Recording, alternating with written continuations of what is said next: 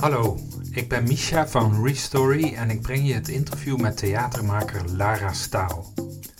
Als je dit verhaal de moeite waard vindt, deel het dan met anderen. Onze verhalen zijn gratis en blijven dat ook. Je kan als coöperant en of als communitylid van Restory wel nieuwe verhalen mee mogelijk maken.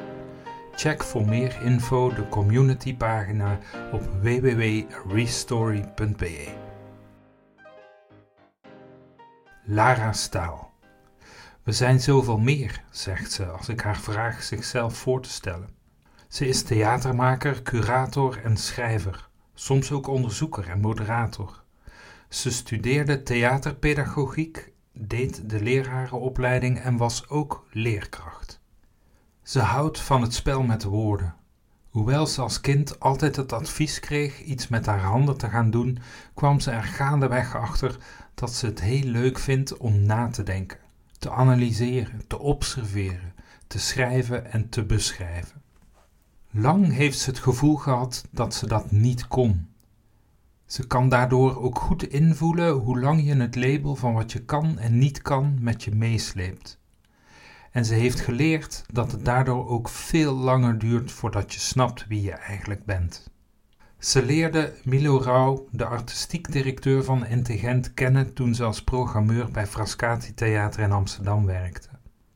Ze hadden meteen een klik en toen ze ervoor koos haar eigen pad te gaan, kreeg ze Milo's vertrouwen om voor Intelligent programma's te ontwikkelen. Na de reeks De Staat van, waarin ze reflecteert over fundamentele klassieke waarden, gaat ze dit seizoen voor de voorstelling Dissident aan de slag met jongeren die in het onderwijs als een probleemgeval worden gezien. Het is een beklijvende voorstelling. Ik ging al met mijn twaalfjarige zoon, mijn dissident, naar de try-out kijken. Hij herkende zichzelf in de jongeren. Ik herkende hem. Ik herkende ook de ouders die in videoboodschappen tijdens de voorstelling aan het woord komen. En wat zij zeiden, deed de tranen over mijn wangen rollen. Een paar dagen later op de fiets naar Arke Theater in Gent voor het interview met Lara was ik zenuwachtig. Zenuwachtig omdat eigenlijk veel van wat Elke en ik doen, ook met Restory, voortkomt uit de spiegel die onze dissident thuis ons heeft voorgehouden. Maar onderweg bedacht ik me dat Lara vragen naar haar drijfveer om deze voorstelling te maken een goed startpunt zou zijn. De jongeren hebben mij dat ook gevraagd. We hebben op een gegeven moment eh, tijdens het repetitieproces de camera omgedraaid, omdat we vonden dat je niet alleen een voorstelling kan maken uh, over machtsverhoudingen uh, in het onderwijs of ten opzichte van jongeren of leerkrachten, maar dat je ook je eigen machtsverhoudingen moet bevragen. Dus toen hebben ze ons gefilmd en geïnterviewd en toen vroegen ze inderdaad waarom wil je deze voorstelling maken. En toen zei ik, er zijn eigenlijk, ik kan op twee manieren antwoord geven. Je kan vanuit een soort maatschappelijk metaperspectief antwoord geven en vanuit een persoonlijk. Uh, het meer uh, maatschappelijke antwoord is dat ik denk ik altijd een fascinatie heb gehad voor uh, tegendraadsheid, voor mensen die rebelleren, provoceren, vragen stellen, openlijk kritisch durven te zijn.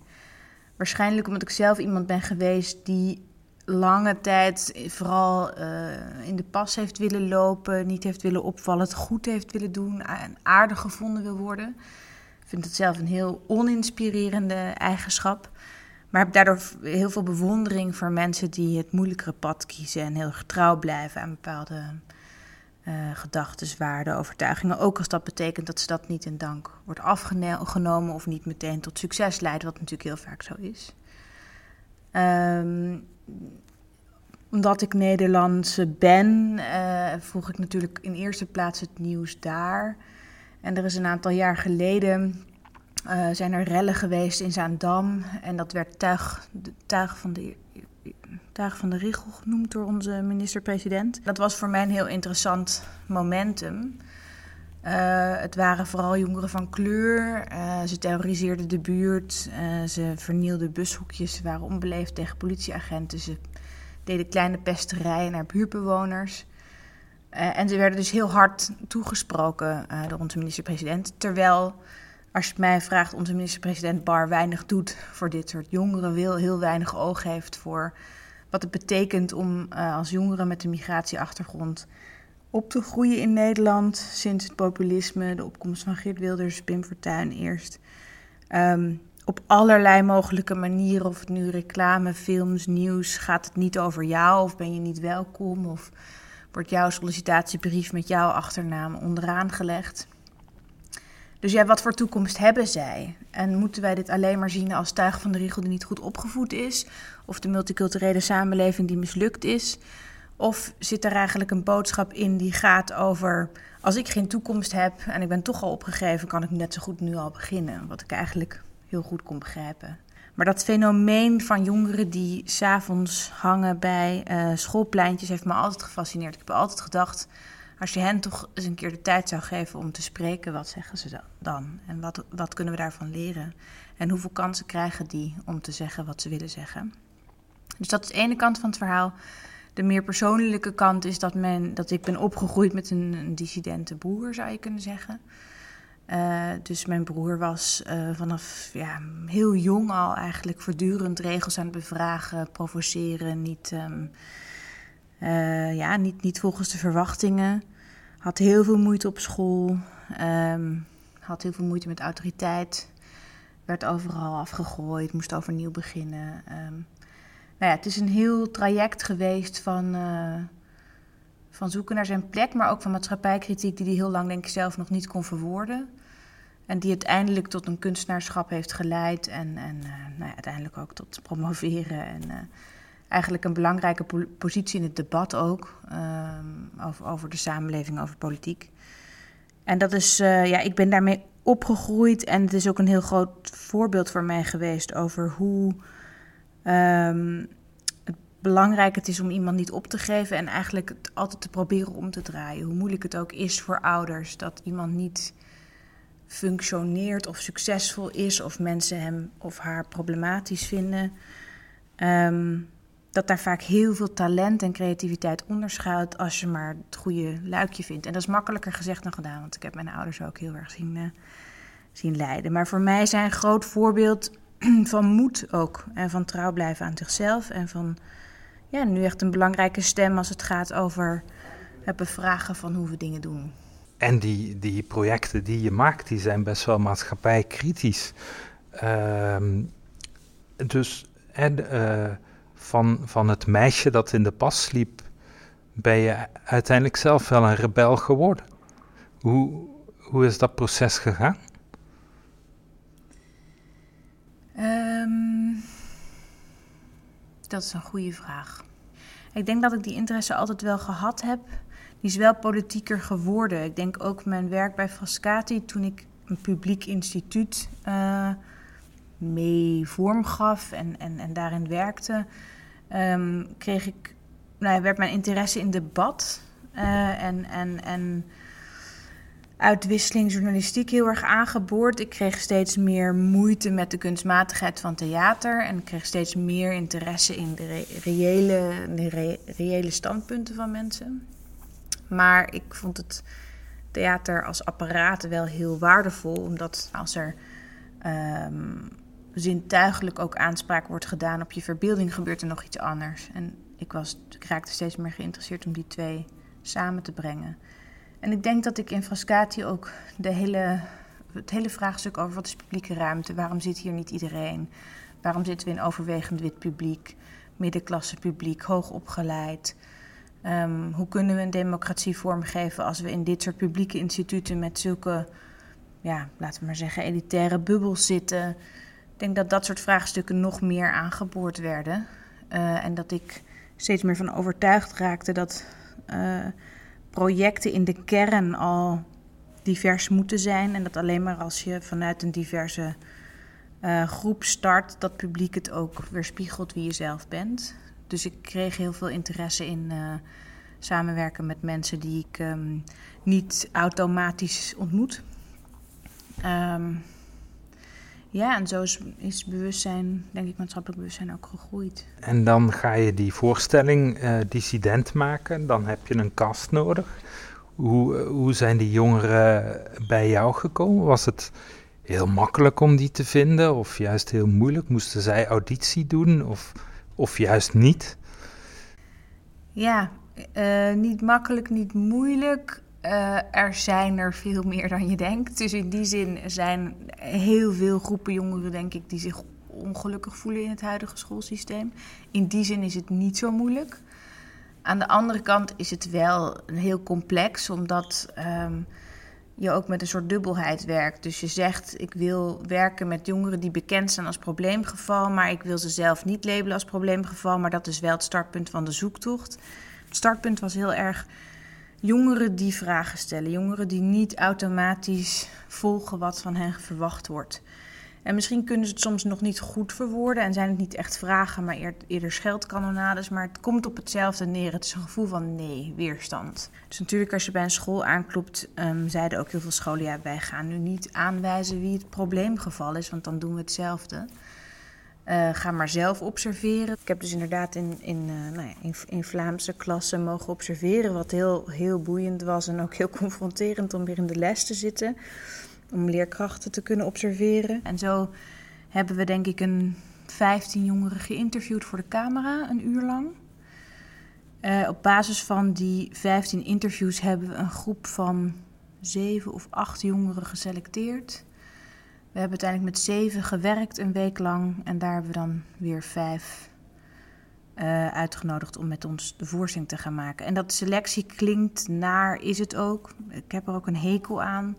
Hoe kun je ook selecteren als je precies het selectieproces bekritiseert? Tegelijkertijd is er een praktische realiteit, die is financieel. Ik vond het belangrijk dat jongeren betaald werden. Uh, maar die is ook um, durationeel. Een voorstelling duurt 90 minuten. Je wil vijf mensen de kans geven om echt contact te maken met het publiek. En het publiek ook om, om zich met hen te laten identificeren. En zeven voelde gewoon als uh, onhaalbaar om, om iedereen dan ook tot zijn recht te laten komen. Um, dus dat was, dat was geen, uh, geen eenvoudig proces. Het is ook iets wat we thematiseren in de voorstelling. Is er één speler die we in eerste instantie niet hebben geselecteerd. En toen is er een ander uitgevallen en toen hebben we hem teruggevraagd en, en die contempleert ook over... oké, dus eerst was ik niet probleemgeval, dus op school ben ik te veel een probleemgeval. Bij dissidentenvoorstelling ben ik niet probleemgeval genoeg. En toen mocht ik ineens terugkomen, want ik was toch dissident, maar wat is dat dan? Um, dus ja, we proberen in die zin ook kritisch naar onszelf te kijken. Ja. En natuurlijk, ja, jongeren we werken met jongeren met, uh, ja, met complexe achtergronden. Dus natuurlijk kun je er ook niet van uitgaan dat die van begin tot eind er allemaal zijn en op tijd. En, hè, want daar gaat het precies over. Dus hoe maak je eigenlijk een voorstelling met jongeren die eh, precies geen zin hebben om regels en verwachtingen op te volgen? Dat is best een uitdaging. Je hebt vaak op je nagels moeten bijten. Nou, gek genoeg valt het wel mee. Wat, wat heel bijzonder was, wat gebeurde, is dat zij allemaal een enorm engagement hadden vanaf het begin. Wat me echt verbaasd heeft, maar ook heel veel vertrouwen heeft gegeven. Ze hebben gewoon heel erg het gevoel gehad dat ze voor het eerst konden spreken over waar ze het zo moeilijk mee hebben. En het gevoel hadden dat ze, dat ze gehoord werden. Dus ze hebben echt wel van begin, want ze hebben heel veel coronaperiodes moeten overbruggen. Van oké, het wordt weer uitgesteld, wordt weer uitgesteld. En ik dacht, ik verlies die. En ik heb, ik heb geen enkele verloren. En, en ik denk dat dat komt omdat ze echt het gevoel hadden dat, uh, dat ze dit ook nodig hadden. Dat ze dit zelf wilden. En dat maakt het dus ook mogelijk dat uh, jongeren die eigenlijk, waarvan de hele tijd wordt gezegd dat ze een disciplineprobleem hebben, hier eigenlijk altijd min of meer op tijd zijn. En, uh, ja, en eigenlijk heel betrouwbaar zijn. Wat is voor jou een belangrij belangrijke les die je hebt geleerd uit, het maken van deze voorstelling met hen? Heel veel dingen. Ik denk heel erg. Um, ja, dat is niet zoiets wat, je niet, wat ik niet wist, maar wat je nog weer een keer meer op een soort bijna lijfelijk niveau ervaart. Of zoals je met ze spreekt, dat je je realiseert wat het betekent om dag in dag uit naar datzelfde gebouw, door diezelfde gangen, achter diezelfde tafels, op diezelfde stoel, weer 50 minuten, dan dit die docent, dan die docent met je boekentas. En dat die sleur en dat stramien uh, iets heel ongezonds heeft, iets heel armoedigs heeft. Zowel voor leerkracht als voor leerling. Want ik denk, onderwijs kan zoveel meer zijn, zoveel rijker, zoveel holistischer, zoveel diepgaander. Ehm, maar we, we zijn op een of andere manier geëvolueerd tot dit systeem en we lijken daar al heel lang toch min of meer in vast te zitten. Ehm, en dat, dat kan je weten, maar als je het weer hoort, uh, aan de lijve ondervindt. En ook, we hebben dus niet alleen maar met de jongeren gewerkt, maar parallel met het onderwijsveld gesproken en geïnterviewd. Dus uh, leerkrachten, pedagogen, directeuren, opvoeders. Um, het is ook een harde job en, uh, en er is weinig erkenning, weinig. Wordt ook weinig geluisterd naar mensen uit de praktijk als het gaat over beleid. Um, terwijl het zo fundamenteel is. Iedereen gaat door datzelfde traject. Daar worden burgers geboren of uh, de mond gesnoerd of onderdrukt daar zit zoveel potentie. Ik denk als je in onderwijs meer zou investeren, zou je een, een heleboel problemen, of het nu gaat over uh, hart- en vaatziekten of gevoelens van depressie en eenzaamheid, of inderdaad uh, rellende jongeren die uh, bushokjes kapot maken. Ik denk dat je een heleboel zou kunnen ondervangen als je je onderwijssysteem veel meer zou kunnen differentiëren, meer vrijheid te kunnen geven, meer individuele aandacht. En dat de job daarmee voor een leerkracht ook weer die positie kan hebben die, uh, die het misschien vroeger al ietsje meer had. Toch een soort gids, iemand die, die kan inspireren. In plaats van iemand die onder de duim moet houden. Reikt het ook dingen aan waar we echt iets mee zouden kunnen? Ja, die potentie heeft het zeker. Het is heel erg afhankelijk van hoe je er naar luistert, denk ik, en of je het oppakt of niet. Maar uh, nee, zeker. Dus het basisconcept is dat jongeren lesgeven aan het volwassen publiek en eigenlijk terugspreken en ze doen eigenlijk twaalf voorstellen voor uh, het onderwijs, nieuwe voorstellen, vanuit een kritiek. Um, dus daar kan je denk ik zeker heel veel van opsteken. Uh, en daarnaast zitten er ook heel veel persoonlijke momenten in, waarin ze eigenlijk vertellen over henzelf en wat school met hen doet. Um, we horen ook de ouders, uh, we horen hun eigen leerkrachten over hen spreken. Dus je krijgt eigenlijk een vrij rijk um, palet van perspectieven op hen. En je ziet ook hoe ver die soms uit elkaar kunnen liggen. De ene leerkracht ja, heel positief kan zijn over een, over een leerling en de ander um, heel uh, eenzijdig uh, en negatief.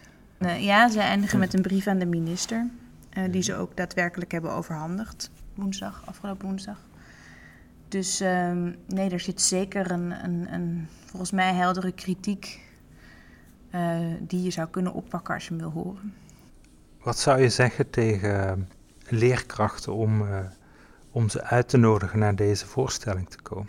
Ja, ik hoop dat er enorm veel interesse is, omdat ik denk dat we veel te weinig over onderwijs spreken. En de manier waarop we over onderwijs spreken, dat gaat van uh, corona of uh, lerarentekorten. Maar een keer op een ander niveau. Hè? Gewoon, wat is eigenlijk dat soort van beeldingsideaal dat uh, uh, plaatsvindt op zo'n school. Waar zijn we ze eigenlijk voor aan het klaarstomen? En, en, en wat, wat is daarin eigenlijk belangrijk? Dat diepere maatschappelijke debat wordt volgens mij veel te weinig publiekelijk gevoerd. En leerkrachten worden ook bedolven door bureaucratie, management, vergaderingen, regeltjes, resultaten, uh, eindtermen. En ik hoop dat deze voorstelling misschien een soort tijdelijke ontsnapping kan zijn ook uit die hel waar ze, die hen de hele tijd afhoudt van waar het eigenlijk echt om gaat. Namelijk eh, relationeel uitwisselen over de wereld waarin we leven en onze identiteit. En onze zoektocht naar betekenis. En kan misschien ook een manier zijn voor collega's om ook weer andere gesprekken met elkaar te voeren. Dat is ook interessant. De pedagogen die we hebben gesproken op de universiteiten, die, die krijgen daar natuurlijk ruimte voor. Voor onderzoek. Die reizen naar Engeland, die reizen naar andere plekken om andere systemen te, te onderzoeken en daarover te beschrijven, die te beschrijven. Maar een middelbare schoolleerkracht heeft gewoon nul tijd om geïnspireerd te raken, buiten zijn eigen straatje te kijken. Die zit al, ja, het is al moeilijk om, een gezinsleven te combineren met, uh, met een leerkrachtenbaan. En dat is denk ik ook heel slecht, want je holt mensen uit. Je krijgt oververmoeide leerkrachten, oververmoeide leerlingen die maar samen door die leerplannen moeten zoeken. Het is een soort machine geworden die, waar je niet meer begrijpt waarom we dat eigenlijk dat hele circus opgetuigd hebben. En ik moet zeggen dat ik het heel zorgelijk vind als ik Ben Wijd hoor spreken. Het gaat allemaal over PISA en over oh, onze Vlaamse leerlingen presteren niet meer op hetzelfde niveau. Dat wordt een soort competitielijstje. Je kan dat toch ook allemaal niet met elkaar vergelijken. En dat hele idee van arbeidsmarkt, klaarstomen. Iemand zegt het heel mooi, die, die helaas nu niet in de voorstelling zit, maar die zegt heel mooi van eigenlijk was school ooit een manier om je te bevrijden van arbeid. Het was een manier om juist kinderen niet, je hoeft nog niet te werken, je mag leren, je mag mens worden, je mag jezelf ontwikkelen. En nu zijn we door dat neoliberalisme en, en uitspraken van Ben Wijts over hè, de scholieren gaan de coronacrisis oplossen, zijn we eigenlijk weer toe aan het bewegen naar een schoolsysteem dat alleen nog maar georiënteerd is op die arbeidsmarkt. We moeten ze klaarstomen zodat ze snel mogelijk kunnen gaan werken, zo snel mogelijk een boost kunnen geven aan de economie. En dat is een extreme verarming van wat onderwijs kan zijn. En daarmee ook wat een samenleving kan zijn. Je bent zelf uh, hoogzwanger. Uh, is je eerste kind? Tweede. Tweede kind. Um, eerste kind gaat al naar school of? Nee, nog, nog niet. niet. Nee. Als je aan je voorstelling denkt en, en je eigen kinderen die straks naar school gaan, ja, dat, dat zal vast door je hoofd geflitst hebben. Denk je dan, uh, ik ga het zelf doen? Of, uh, oh mijn god, als dat maar goed komt? Ik zie daar inderdaad heel erg tegen op. Ik denk dat het ingewikkeld is. Ik denk nu al uh, met de kinderopvang merk dat ik extreem gevoelig ben voor uh, de leidsters en de toon en de taal en wat er gegeten wordt en wat voor meubels er staan. En, uh, dus ik, ik word waarschijnlijk zo'n hele vervelende ouder. Um, en dat wil ik eigenlijk ook niet. Dus ik weet het niet. Ik, ik denk dat het nog, nog spannend wordt, maar het kan ook interessant zijn. Een van de spelers zegt op een gegeven moment: We willen niet meer leren over deze wereld, wij willen een andere wereld. En ik denk dat is, dat is heel belangrijk. We willen niet meer leren te reproduceren wat er is. We willen de, tools krijgen om hem te kunnen te veranderen. En dat is, dat is een hele moeilijke taak voor een leerkracht, want die is natuurlijk. Uh, die komt uit een andere tijd op een bepaalde manier. Maar er zijn leerkrachten en we hebben ze ontmoet en, en geïnterviewd die in staat zijn om, uh, om dat wel te doen. Om, om eigenlijk veel meer vanuit een soort. Ik leer evenveel van jullie als jullie van mij in staat te zijn om veel meer te denken: hoe kan ik jullie Um, ervoor zorgen dat jullie kritisch blijven, dat jullie weten waar je informatie moet halen, dat je weet hoe je moet opereren in deze wereld, in plaats van te zeggen wat het juiste antwoord is of de juiste uitkomst zou moeten zijn. Ik denk dat er scholen zijn die wel degelijk proberen meer vrijheden te scheppen en meer hun eigen gang te gaan. En het is een beetje een kwestie van op zoek te gaan naar die plekken. Tegelijkertijd roept dat weer heel veel andere maatschappelijke vragen op. Want we weten allemaal dat zodra je naar een Steinerschool gaat of allerlei alternatieve pedagogieken, dan is het ineens allemaal wit en dan eten we allemaal biologisch en dan voelen we ons enorm gelijkgezind. Maar dat druist ook lijnrecht in tegen waar ik voor sta. Namelijk dat ik denk dat we die multiculturele, diverse samenleving moeten omarmen. Die uh, niet alleen maar op niveau van cultuur, generatie, maar ook klasse. Uh, gemixt zou moeten worden. Dus ik hoop nog een beetje op die ene school die in staat is om die werelden bij elkaar te brengen. Dit was het interview met Lara Staal. Dankjewel voor het luisteren. Wil je reageren, dan kan dat onder het geschreven verhaal van dit interview op restory.be. Je vindt op de website ook meer informatie om coöperant en of community lid te worden. Samen kunnen we het tij keren als we de toekomst als een gezamenlijke onderneming zien.